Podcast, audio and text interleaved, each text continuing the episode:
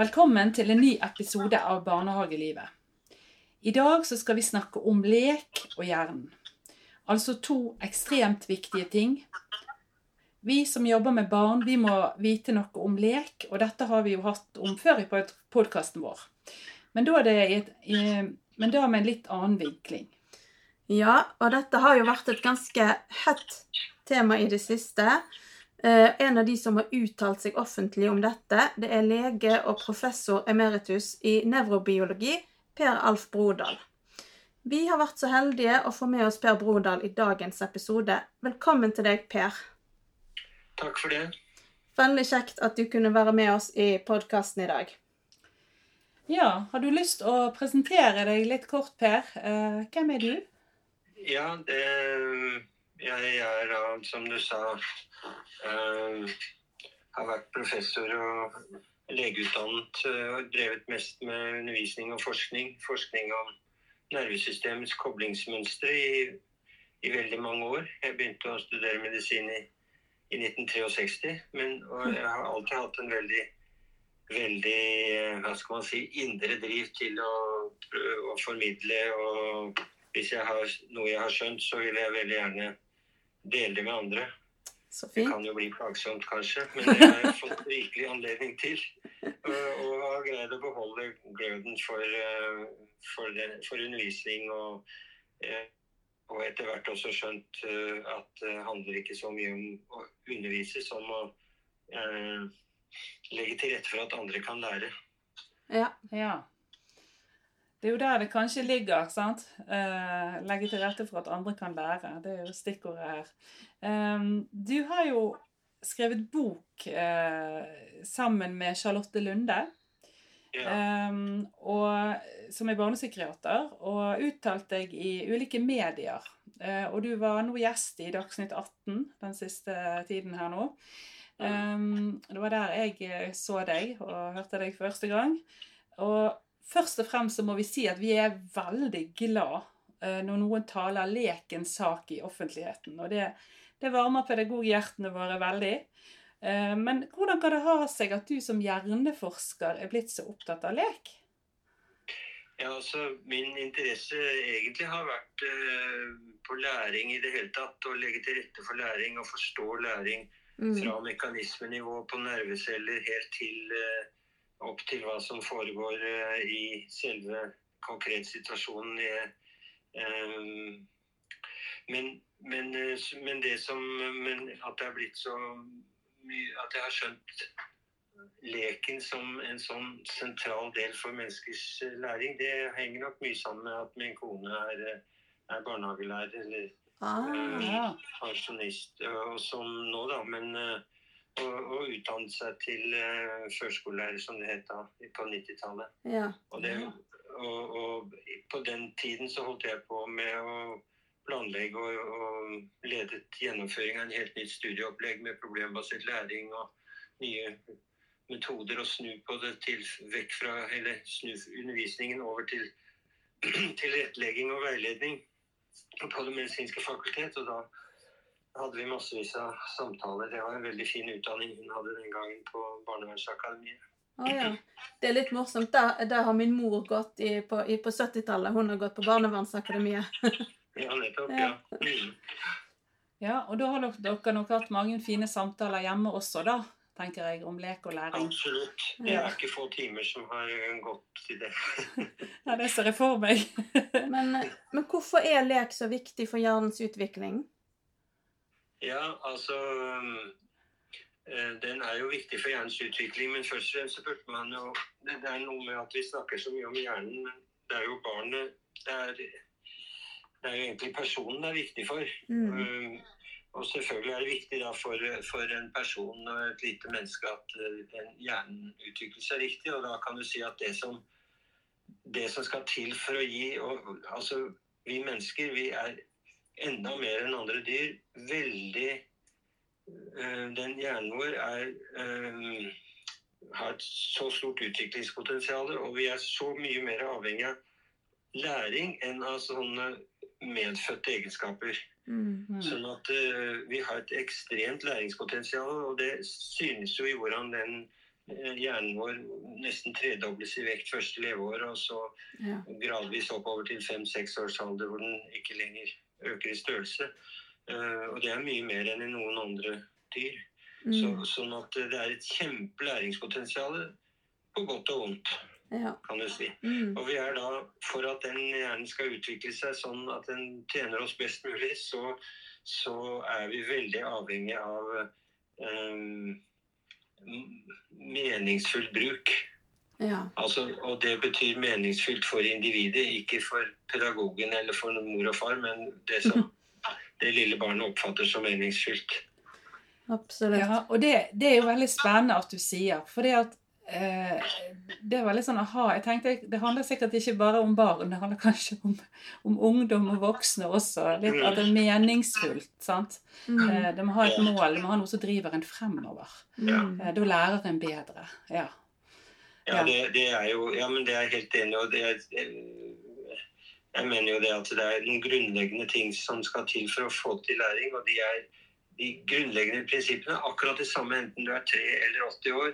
Ja. Men det er klart at uh, det krever en eh, forskjell, forskjellig tilrettelegging. Mm. ja, ja, absolutt.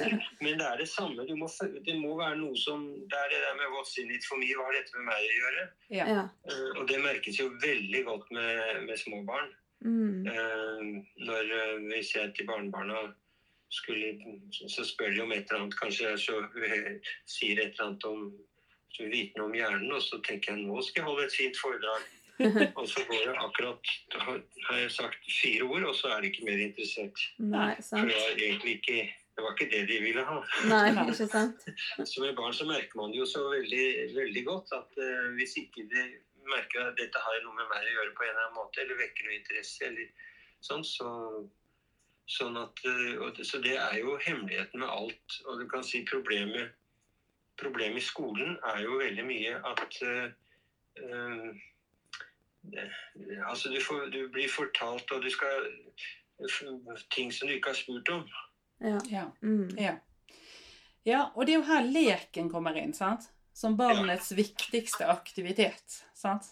Mm. Ja, og det er uten tvil riktig. altså. Da, eh, da, eh, og så er det dette med lek, hva lek er. og og Lek er jo veldig komplekst, og det vet dere eh, mer om enn meg. Men, men og man kan bruke bøker på å prøve å klassifisere forskjellige typer lek og sånt. Men, men det er litt mer sånn, det er sånn som med mange komplekse ting at du Det lar seg ikke definere, men det går godt an å si hva som er kjennetegn. Og jeg er Mm. helt sikker på at det, det, at det er akkurat som ingen kan Hvis man skulle definere en hund, så sliter du virkelig. Mm. Men du kjenner den jo igjen med en eneste gang. Og Ja. barn lærer jo kjempefort forskjellen, ikke sant? Mm, Hvordan de på ganske kort tid lærer seg sånne overordnede begreper av, av øh, på- både Ja. Og øh,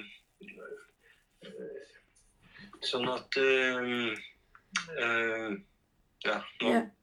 Jo grann, men Det går bra. Men du, du har jo snakket litt om forskjellige typer lek, sant?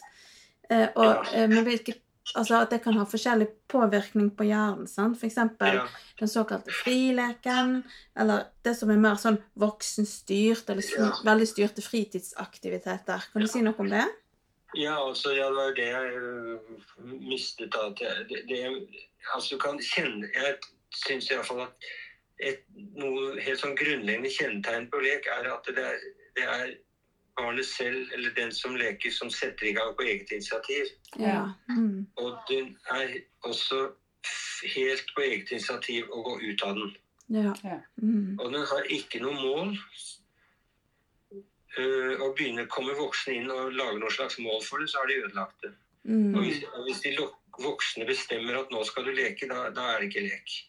Det kan være fin aktivitet for all del, men det er ikke lek. Så, så det, der, det begrepet lekbasert læring, det burde vi bli kvitt. Fordi at eh, all leken er jo Det paradoksale med leken er jo at den, den er eh, For barnet så er den eh, stort sett gledesbetont og selvstyrt og, og overhodet ikke med noe mål om annet enn å det de holder på med. Å utforske og, og finne ut og, og, holde på med noe de syns jeg uh, har glede av. Men sånn utviklingsmessig for, så vet vi at det er jo det, det, er deres læringsform, og det er sånn de lærer best å, å greie seg i verden. Mm. Mm, ja. Men jeg, jeg, opplever litt at uh, vi som samfunn på en måte har bevega oss mer i en retning av mer sånn styrte og planlagte fritidsaktiviteter. Og at det kanskje er liksom mindre rom fra frileken. Men hva gjør det med barna våre, da? Ja, nei, jeg tror det er, er, er, skummelt. For det første så kan du si den eh, seksårsreformen tok jo et år bort av barndommen, rett og slett. Ja. Ja. Et år med, med, lek for seksåringene som, som eh, Så vidt jeg eh, Sånn utviklingspsykologisk og på andre måter så er seksårsalderen ganske spesiell. En slags første pubertet, nesten. Og, ja. og, og hvor, hvor, sånn som jeg hørte min kone beskrev det, hvordan de seksåringene de var da på topp på en måte og mestret og kunne hjelpe de mindre og mm. følte seg viktige og virkelig hadde uh, Fikk masse positivt ut av det. Mm. Mens nå de samme som da er kommet på haugen, de blir nå plutselig i en situasjon som mange av dem ikke er modne til. De har ikke så mye evne til å holde konsentrasjonen på det som andre ber om. Nei, og de har ikke så stor evne til å undertrykke umiddelbare impulser som på å rope ut eller å løpe av gårde, eller som er helt naturlige, men som blir helt gærent i skolen. Ikke sant. Men, men, hva tror du Ja, altså, dette er jo en sånn uh, varm uh, Det er jo en sak som er mye oppe i media nå. De har evaluert uh, denne her Reform 97. og jeg, nå leste jeg eh, Jeg vet ikke om du kjenner til hjerneforsker Matti Bergstrøm? Jo. Ja. Jeg, jeg eh, kjenner ham ikke personlig, men Nei, ja. men du har hørt om han, ja. Eh, fordi at nå, når jeg leste litt i boken og diskuterte med en annen jeg kjenner her som er pedagog, og hun nevnte Matti Bergstrøm, og allerede i 1982 så Da gikk jeg i andre klasse, så så gammel er jeg. Da ropte han et varsko, han, mot det at små, små hjerner skulle få eh, bli forstyrret på en måte av te teoretisk påtrykk fra skolen. Ja. Ja. Eh, men hvorfor i all verden er det ingen som har hørt på dette? Det er jo et kjempestort forsøksprosjekt de har holdt på med. Eh, ja. Og sendt seksåringen inn i skolen. Men jeg tror det, det henger Ja, ja og, og, og, hvorfor det skjedde? Jeg, jeg, tror jo at det skjedde ikke fordi Jeg, jeg tror ikke det fantes ingen pedagogiske, læringsmessige gode grunner for det, annet enn en sånn merkelig tro på at det gjelder å dytte inn mest mulig ja. eh, kunnskap tidligst mulig. Mm. Men som vi vet, alle, alle, vet som har noe som helst innsikt i læring, at det er ikke, og barns utvikling, det er ikke sånn det foregår. Jeg, det var vel for å få full barnehagedekning. Ja, riktig. Det, ja, det kan godt være, altså. Og, eh, altså, jeg, jeg har lest om han en professor i pedagogikk som heter Peder Haug. Ved, ved Høgskolen i Volda. Sant? Han har jo vært forskningsleder for Program for evaluering av Reform 97. Og han har, han har, liksom uttalt at konklusjonen her etter 20 år er at det at reformen har ikke hatt noen positive konsekvenser for barns læring. Nei, i det hele tatt. Nei, jeg har også lest den, og det, det tror jeg nok er helt riktig. Så, så Tvert om. Ja. Men også har det jo gått en andre, mye annet også, som dere er inne på, dette med at uh, så mye større del av barns liv de siste ja, gradvis, da, la oss si mm. fra ja, de siste 30-40 årene iallfall, har um, blitt mye mer voksenstyrt. Ja. ja. Ikke sant? Eh, og, og, det er jo ikke noe gærent i å gå på fritidsaktiviteter og fotball og allting, men når så stor del av, av, den tiden som kunne vært eh, egenstyrt lek ute helst sammen med andre barn. Mm. eh, blir til voksenstyrte ting. Og, og sko, timetallet i skolen har jo gått veldig opp. Mm. Det var noen som telte opp det der nå. Det var ganske sjokkerende hvor mye flere timer det var kommet de siste 20 årene mm. uh, inn i barneskolen. Og, og, og, det er bare på lese, skrive, regne, og ikke på estetiske fag og, og praktiske fag. Nei, sant. Hvor de vel sliter veldig med å, å rekruttere kompetente mennesker inn som gløder for de fagene. Mm, det gjør jo det. Men tror, tror du det er mulig å reversere Reform 97 nå så mange år etterpå? Jeg er jo ikke veldig optimistisk med det, men, men, men hvis man vil, så kan man jo. ikke sant? Det er jo ikke, det er jo utrolig hva som så, Sånn at å si at noe er umulig, men det, det er umulig hvis man ikke vil det sterkt nok. Og Ja. noen politikere er no, modige nok til å ta den og se hvor viktig dette er. Men det man iallfall kunne gjøre, var jo å i, i løpet av en viss tid sørge for at uh, intensjonene ble sånn som de var. For da det, det, det første året skulle jo være på barnehagepedagogikkens Ja. premisser. Og det ble det jo ikke i det hele tatt. Nei. Veldig fort. Nei, og det er, jo det, det er jo det som var så ille. sant? Jeg, eh, jeg var i praksis når dette her eh, hadde vært en liten stund på lærerutdanningen min. Og, og da, eh, da var det jo virkelig litt lek. Selv om det kunne vært enda mer fri lek, Ja. kanskje. Ja. Men spørsmålet er jo om barna hadde hatt det best i barnehagen eh, med en egen kanskje førskoleavdeling ikke eller gruppe. tvil om det. altså Det er Ja. klart det hadde vært det beste. Så, så det beste hadde vært å reversere det. Er jo pussig at i, i, i Finland, som alle ser til når det passer fordi at de Ja. der, der begynner jo syv år på skolen. Ja. Riktig. Ja. Ja, og de, de gjør det jo veldig bra, har jeg ja, forstått. ikke sant? Ja. Sånn at, Som Peder her også da finner, da, det har ikke før Altså det en ekstra året Man er så redd for dette med kunnskapshull og ikke få inn nok. Men Mm. Men, eh, men det handler jo om, som vi skriver i boka, også, det handler jo ikke bare om hva alle gjør rundt, men det må, barnet må jo være mottagelig. ja. Det er akkurat Og det. det hjelper jo ikke med Det er noe med hvis du ikke er mottagelig for matematikk, så er det ikke sikkert at det problemet løses ikke med flere timer. Nei, det er akkurat det. Nei, sant? det er jo kanskje ja, Ja, det er jo kanskje tvert om, sant? Altså, det er tvert om, ja. og og du, dere skriver, jeg har lest, fått lest litt i boken deres, og ehm, dere skriver om at for eksempel, vi, vi vet jo det at gutter født seint på året, eh, de er jo taperne. Eh, og fordi at de blir moden senere enn jentene. Mm. Eh, og da er det liksom Man, man forventer at eh, man, Altså, man er nesten sikret eh, Eller det er stor sjanse for at man får en ADHD-diagnose. sant? Så det egentlig handler kanskje om at man eh, bare er umoden eh, sant? når man er født seint på året. Fordi man ikke klarer å sitte i ro. Ja, for det er jo merkelig hvordan det parallelt med, med økende Eller med, med redusert tid til lek, både i Mm. barnehage ja, til dels i barnehagen også. Der jeg, mitt inntrykk er at det er litt truet der også faktisk nå, med disse eh, programmene som kommer inn som liksom skal være så effektive. Mhm. Men, eh, men eh, den reduksjonen i lek som så, sammen med andre, andre eh, forhold i, i, i samfunnet som har endret seg til, til å gjøre at barna blir mer og mer ytrestyrt. Det er, det er skummelt, altså. Ja, altså fordi at vi vil jo, vi, og det interessante er jo at det med sånn mye ytterstyring og, og kanskje og det som da kalles såkalt lekbasert læring, som jeg mener er ulv i fåreklær, for det er egentlig voksenstyrt, og det er bare å se på det er kjennetegn der. Er dette noe barna går inn i på eget initiativ? mm, Nei. Slutter de akkurat når de vil? Nei. Nei, sant. Men, men det kan være bra, det er ikke det. altså, Men vi skal bare ikke kalle det noe med lek.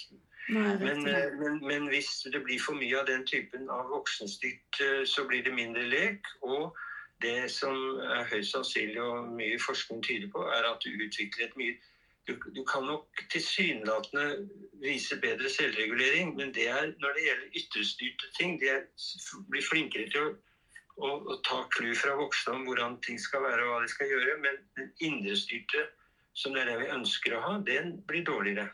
Ja, riktig. Ja. Og det, jeg bare husker sjøl når, eh, når min datter eh, begynte på eh, skolen, og så tenkte jeg gud, ja, men hun har ikke tid til å leke lenger. Er på skolen hele dagen, og så når hun kommer hjem, så må hun sette seg ned med lekser. Hvor, hvor, hvor er det plass til leken? Mm. Ja. Nei, og spesielt da Og så kan du si mange barn de, altså, det er jo på en måte utrolig hva barn tåler. Og hvis hjemmeforholdene er rimelig gode, og sånn, så, så går det jo stort sett bra. Men de Mm. barna som kanskje øh, sliter litt av forskjellige grunner og kanskje ikke har et veldig støttende hjemmemiljø, så, så kan det jo bli veldig problematisk altså med de leksene Ja, og, og hører jo en god del. Og, og, det er jo nettopp det når du begynner Det er kaldt kalt å komme skeivt ut av hoppkanten. Ja. Så at du kommer fra barnehagen, og, det, og barna er jo da fulle av forventning. Mm. Og nå skal de begynne med noe nytt, og de er modne for, eller har lyst på det. Og, og så blir det en, for mange en veldig skuffelse. Og, Mm. og, og de som er litt eh, ja, de, de fleste greier overgangen ikke sant, og får det til, og de finner ut av det. Og, og det er jo min erfaring med barnebarna er jo at det er jo veldig Det er ikke lærerne som det er problemet. De gjør virkelig en kjempeinnsats med Og mange av dem er veldig flinke med de små barna også. Mm. Mm. Men eh, det er klart at når de kommer umodne, sånn at så mye tid går med til å hjelpe dem til å finne frem matpakka og gå på do eller eh, finne støvlene eller hva som helst, Ja. istedenfor å eh, så så blir det jo og, og, og Ja, da, da kommer veldig mange av dem til å oppleve nederlag og, Mm. og skuffelse, og, og så får de en kjempedårlig start på skole, Ja. skolelivet. Og så begynner man å, og så snakker man om eh, Det er jo der vi må begynne å tenke når, med, når det gjelder frafall, f.eks. Mm. Ja. Senere. Ja. Ja. klart Hvis du har sluppet med deg nederlagsfølelse Ja. og fått ADHD-diagnose og allting, og så, så på et visst tidspunkt så er orker de ikke mer. Og Nei, skole. Jeg, jeg husker òg jeg, jeg har jobbet i en barnehage i Danmark, i Århus kommune. Og der var det veldig ok lagt opp, for der var det sånn at man tok en individuell vurdering da på hvert barn. Når de Mhm. skulle begynne på skolen når de var seks eller syv år. Ja. Eh, og det var selvfølgelig det var foreldrene som hadde liksom siste rett til å uttale seg og bestemte det sånn endelig. Men, Mm. men vi som var pedagoger, de kom gjerne og spurte oss om råd og sånn. Og, og de, mange var jo klar, men så var det kanskje en eller to eh, på avdelingen som vi tenkte kunne ha gått av det ekstra året. Og det var så fint, for da fikk de ett ekstra år hvor de var eldst i barnehagen. Og Ja, kunne vokse der- på det. Og det er jo poenget at da fikk de fortsette i barnehagen, ikke sant? Ja, så, Mens nå så er jo problemet det at hvis, eh, hvis man ønsker å utsette skolestart, så, så hvor skal de gjøre av seg? mm, Mm. For de, er jo ikke, kan ikke, være- de, de, kan, de er jo ikke, skal ikke være i barnehage. Nei, og så er det ganske vanskelig å få utsatt skolestart her, her til lands òg, sant. Det er en ganske stor prosess. Ja. Ja. Men, men der Altså, nede altså, var det liksom løsning, tror jeg. jeg tror ikke det er noen løsning nå å gå inn med en individuell vurdering, nettopp fordi at fordi situasjonen er så helt annerledes enn det du beskriver der i Ja. Århus. ikke sant? Hvor, mm, hvor det hadde vært og, og, og hvem er bedre til å gi foreldrene råd om det enn de eh, barnehagelærerne som kjenner barnet gjennom flere år? Nei, jeg, syns det fungerte veldig fint. Og så så vi òg at da når de, de som var et ekstra år i barnehagen, når de da kom på skolen, så var de heller ikke de aller yngste. Nei. Så da vokste de litt på det òg. Og, de, Mm. og disse ungene, de trengte jo det. De trengte å vokse litt. Ja. Også fordi at det er jo en sånn merkelig misforståelse eh, blant en del skolepolitikere og, og skolebyråkrater at eh, de tror at barn utvikler seg, eller skal utvikle seg i samme takt. Ja. Alle skal knekke, knekke lesekoden hva nå det er, før jul i første klasse, som jo er helt Ja. meningsløst. Det, er- Mm. det er nesten et overgrep. altså for alle som har med barn å gjøre, vet jo at de utvikler seg i forskjellig takt, og det må man Mm. respektere. Akkurat. Ja, og vi, I vår podkastepisode om overgang fra barnehage til skole, der, der snakket vi om at vi syntes det var dumt at ikke barnehagelæreren skulle få lov til å komme inn i småskolen og jobbe. Um, Ja. Og at det har hatt en veldig negativ konsekvens for leken sin plass, da. Ja, for Det var jo det som var vitsen. ikke sant? Mm, Det var jo det, det, mm. sånn, det hadde jo vært noe helt annet. Da kunne man jo tenkt seg at du fikk en sånn gradvis overgang, da. Ja. Hvor du, hvor du At det, det første skoleåret var stort sett eh, lek, men kanskje litt mer over på å begynne å lære ting som mange barn gjerne vil. De er jo, mange er jo sultne på å lære seg bokstaver. Og, Ja. og, og hvis det foregår på en måte som eh, er mer hvor man tar større hensyn til at eh, man må se hvor akkurat det barnet er, og, Mm. og, og mer på barnehagepedagogikkens premisser, så hadde, hadde det jo kanskje blitt en veldig fin overgang. Ja, og vi, vi har jo jobba masse med I barnehagen som vi har jobba der, eh, har vi jobba masse med å legge til rette for leken. For det er jo kanskje det det handler om. sant? At å legge gode, lage gode vilkår for leken, da. Mm. Ja, og så er det jo ikke det at eh, Så er det jo sånn ehm, eh, Det blir jo ofte Diskusjonen blir jo ofte veldig Hva skal man si meningsløs fordi at det eh, noen tror at fri lek eh, Eller man skulle ikke bruke det ordet engang, syns jeg. For at lek er lek, men, det, Mm. men den kan være mer eller mindre tilrettelagt for den. Eh, og, og, og det er klart, en gjeng med femåringer ut i skauen sammen, da er det virkelig fritt på den måten at de finner på akkurat selv hva de vil. Mm. Men i barnehagen så legger jo dere til rette sånn at, eh, vil jeg tro, sånn at eh, Og dere har jo tanker om hva dere ønsker å fremelske. Og, og, og hvis det er om å gjøre å få til rollelek, så, så legger dere vel rimeligvis frem utkledningsklær, og det fins en dukkekrok, og det fins Mm. forskjellige ting. Og så, men poenget er jo at barna velger selv. Ja, Mm, mm. det er jo det. Men dere legger til rette. Ja, og vi Er har ikke det riktig? Ja, det er helt riktig. Og vi har jo òg eh, snakket mye om det med sånn eh, barns medvirkning. Og det har vi brukt aktivt inn i dette. sant? Vi ser oi, nå har vi en gjeng gutter som er veldig opptatt av sånn og sånn. Da, da må vi lage avdelingen, eh, iallfall en krok på avdelingen som er tilrettelagt for det.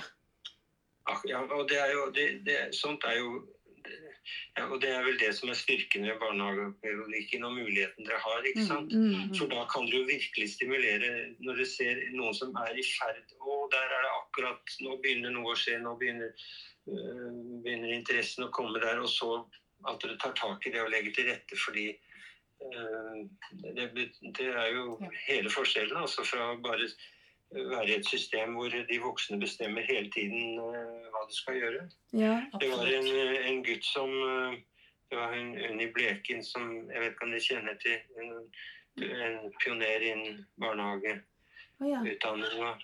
Men iallfall hun, hun eh, hadde snakket med noen barn i, i en barnehage, og så var det en gutt der som hun spurte hva han syntes var aller han likte aller best å gjøre i barnehagen. og det var å tegne. Ja, og hva er det du syns er, er det like minst? Ja, det er å tegne når jeg må. Ja. Ja, sant. Mm, mm.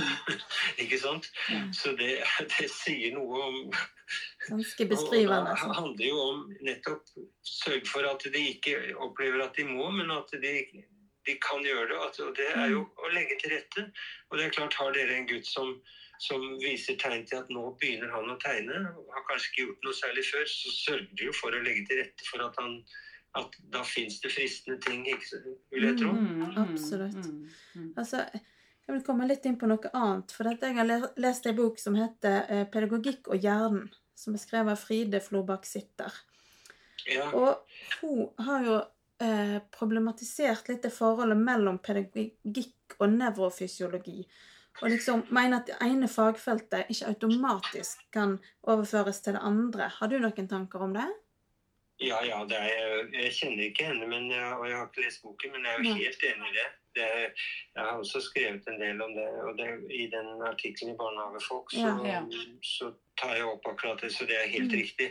For det er et så langt sprang, sånn at hjerneforskning kan, kan gi eh, det kan gi eh, inspirasjon og tanker om, om eh, mekanismer som foregår i hjernen, og som man kan forstå f.eks. For dette med hvor viktig det er at det er målrettet, og, og at uh, barnet skjønner at det er noe i, i, i leken, i, eller i aktiviteten for dem selv. Mm. Uh, Det kan man på en måte også se i hvordan enkelte enkeltnerveceller oppfører seg når de skal lære. Mm. Men, men det, sånn som det er blitt, så brukes jo hjerneforskning helt ukritisk. Ja. Og, og, så- altså det er sånne ting som brain gym, jeg vet ikke om dere har hørt om det? Jeg bare så du hadde skrevet om det, Mm. så jeg var inne og kikket så vidt på det, men ja. Ja. Mm. Nei, det, det, altså det er så mye kvasi og myter og har misforstått, og, og det er en tredelte hjernen uh, som er bare nonsens. og det, det er helt utrolig. Og det som er skikkelig irriterende, det er også at det, det er mange som skriver om det med stor suffisanse, og de har jo ikke peiling. De har ikke brydd seg om å sette seg ordentlig inn i Hjernen er faktisk ganske kompleks. Mm. Uh, og det er liksom ikke bare et lite kveldskurs, så har du skjønt hvordan de kan overføre kunnskap derfra over til uh, til uh, i- og med høyre og venstre hjernehalvdel. Og sånn, Ja. sånn helt utrolig overfladiske og misforståtte systemer. Men det er jo også big business med sånt nå. Ja, det er Så, akkurat det. så Sant? det, er, det er virkelig Det er skummelt. Ja, for de selger inn sånne programmer både til eh, altså skoler, barnehager, andre utdanningsinstitusjoner. At 'å, dette er, er basert på hjerneforskning', og her er det Ja da, Og så Sånn, er det sånn. nettopp sånne voksenstyrte aktiviteter som da skal være basert på hjerneforskning. Ja, Ja. sant. Og, Mm. og, og når de sier det, så skal du bli skeptisk, altså. Ja. og Ja. spør hva, hva de bygger det på. Og da hjelper det ikke bare å henvise til en eller annen guru eller autoritet. For de fleste av disse såkalte som da blir holdt frem som store autoriteter, de, de har overhodet ikke noen bakgrunn i hjerneforskning. De har bare lest sånne uh, halvfordøyde kilder av, fra andre, og så le, skriver man av etter hverandre, og, og det blir mer og mer uh, ja, veldig langt fra eh, faglig forsvarlig, altså. Ja, så her må, her må folk som jobber barnehage og skole, må være obs, altså, rett og slett. Og ikke ta alt Virkelig være obs og ikke, øh, ikke la dere overkjøre av disse Altså når de snakker om at ting er hjernebasert, da skal det bli virkelig skeptisk. Okay. Ja, sant. Og det er jo litt påfallende, for det at det, eh, det var vel du som skrev òg, at mange av de som er opptatt av, av dette her og hjerner og sånn, det er jo de som ofte biter på disse tingene. Ja, for skjønner, ja, for det, det pussige er jo, det har vi gjort en undersøkelse med det, hvor de så på lærere, og, og hvordan de forholdt seg til, og mange var veldig interessert i sånn nevro, og det er jo greit nok. Og de som trodde mest på myter, det var også de som var mest interessert i det. Så man skulle jo tro det var omvendt at de som var virkelig interessert, de satte seg inn i det, men det, det kan bli ganske krevende, da. Så det, det er jo skummelt, da. Ja, det er jo det. Altså, hun, Fride snakket i sin bok om at hun hadde en Det som heter på godt norsk 'cautiously optimistisk'. Altså, hun var forsiktig optimist på vegne av at disse, både pedagogikk og nevro, nevrofysiologi, kunne, kunne eh, tjene hverandre.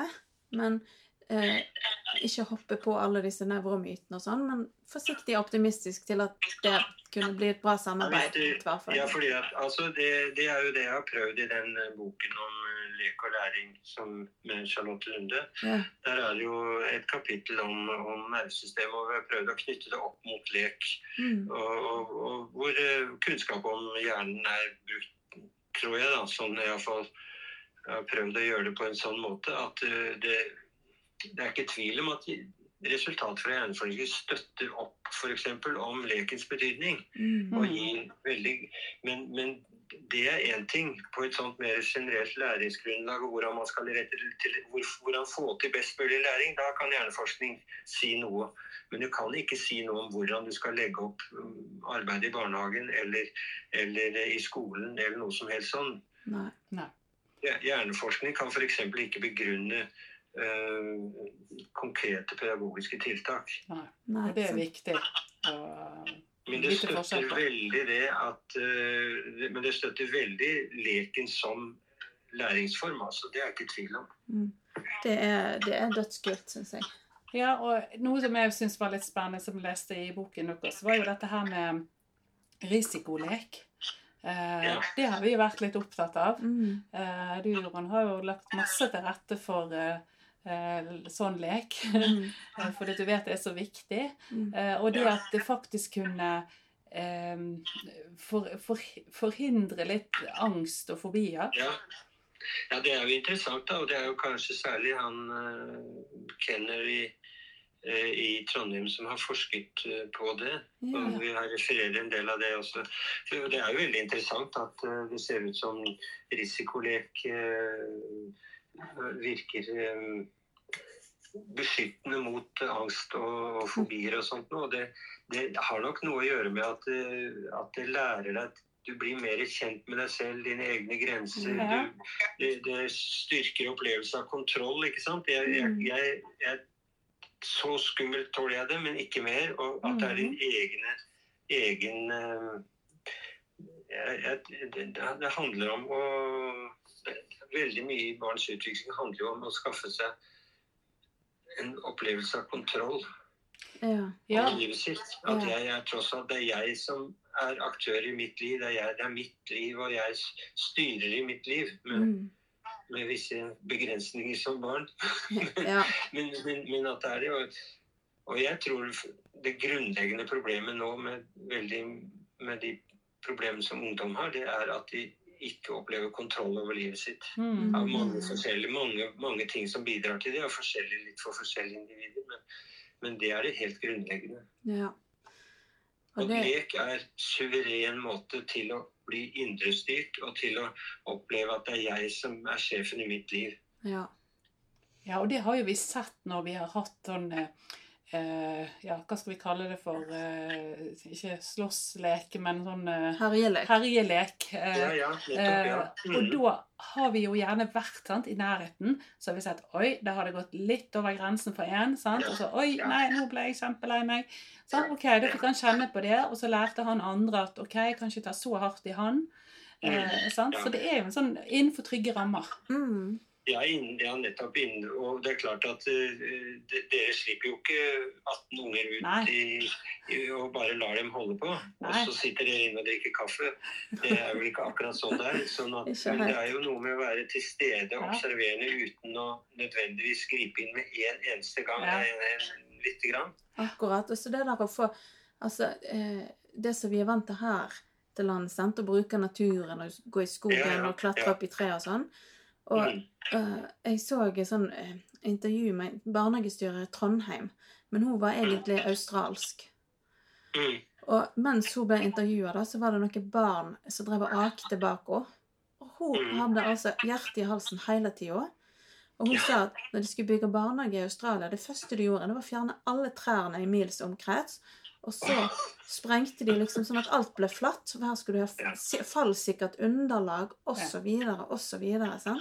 Mens her heier vi på at ungene kan spikke med kniv og klatre i tre og, Mm. Ja, ja, ikke sant? og Og så tross alt da under såpass uh, kontrollerte former at det kan nok hende at de skjærer seg litt. Ja. mm. Men de kapper ikke av seg fingeren frontligvis. For at såpass passer man på. og Man lærer dem at når du holder på med kniv, så gjør man sånn. Og da sitter du stille. Du løper ikke rundt med kniven. Ikke sant? Sånn som uh, Nei, det er uh, men, det, det er, men det er jo skummelt også hvordan uh, lekemiljøene Iallfall i byene.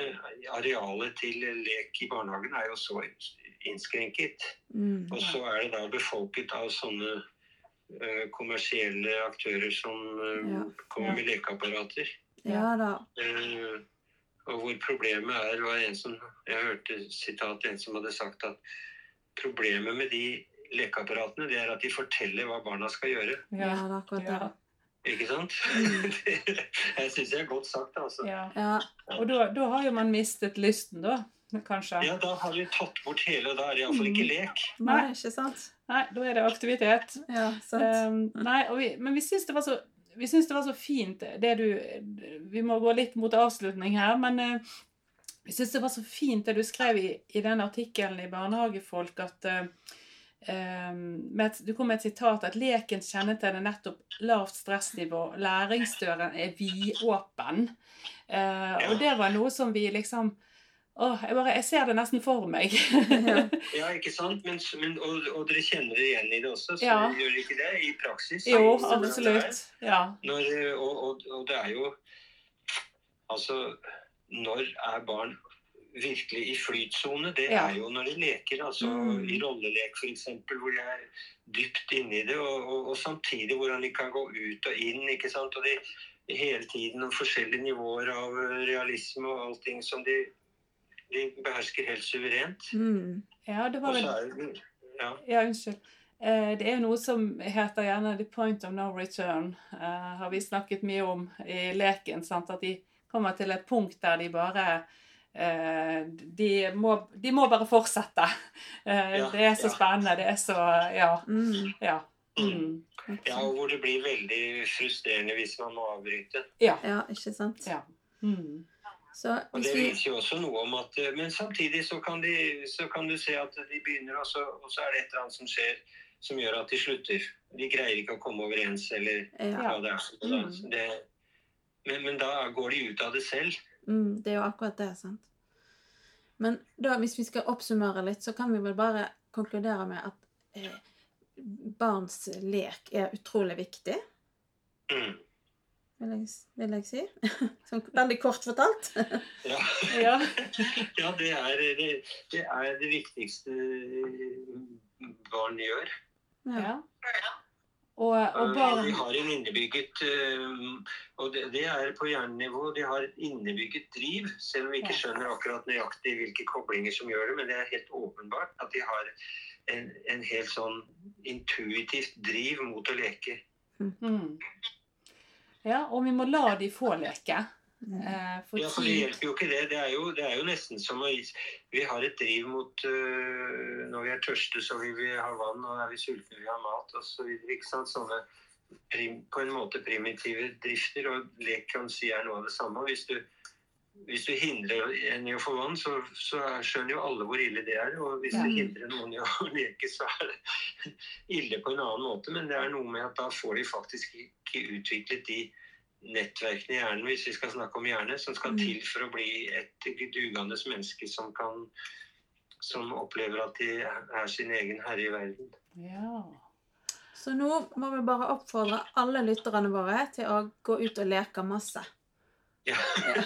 ja. Vi driver jo med det, vi voksne òg. Ja. Mm. Mm. Det går jo an. Ja, ja, absolutt. Ja. Vi er veldig, veldig glad for at du ville bli med oss i denne episoden, Per. Eh, det har vært kjempespennende å høre. Veldig. Ja, veldig hyggelig å være med. Så får vi håpe det er mange som hører den etter hvert, da. Ja, Ja. det satser vi på. Ja. Mm. Da takker vi for i dag. Håper du har eh, fått noe ut av denne episoden. Vi håper du følger oss på Instagram og Facebook, og deler denne episoden med alle du kjenner. Ha det bra.